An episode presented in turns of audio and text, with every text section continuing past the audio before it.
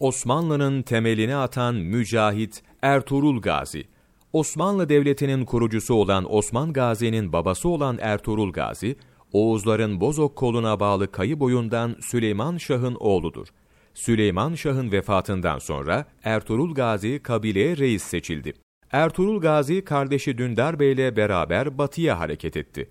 Sivas yakınlarında konakladıkları sırada Selçuklu ordusuyla büyük bir Moğol birliğinin savaşına şahit oldular.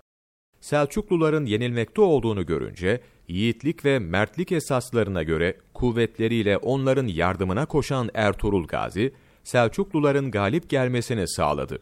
Bunun üzerine Selçuklu hükümdarı Sultan Alaaddin, Söğüt, Domaniç ve Karacaşehir'i kendilerine verdi. Ertuğrul Gazi aşiretiyle beraber gelip Söğüt ve Domaniç'e yerleşti. Ertuğrul Gazi Selçuklu Sultanı Alaaddin'in vefatına kadar 6 sene etrafın fethi ve İslamiyet'in yayılması için bütün gayretiyle çalıştı.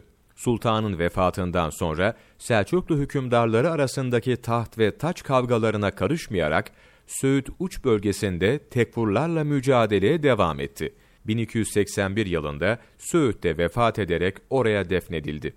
Ertuğrul Gazi, çevresinde bulunan beyliklerden devletlerin durumlarını ve siyasi şartlarını gayet iyi değerlendirirdi.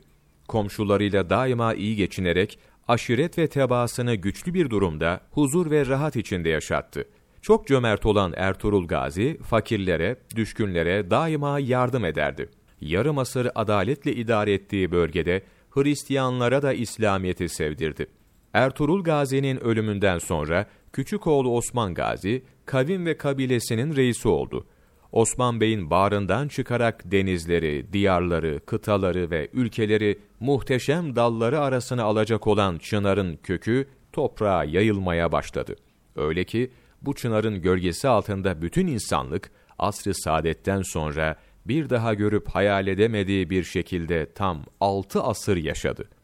Rehber Ansiklopedisi 5. cilt sayfa 178 11 Kasım Mevlana takvimi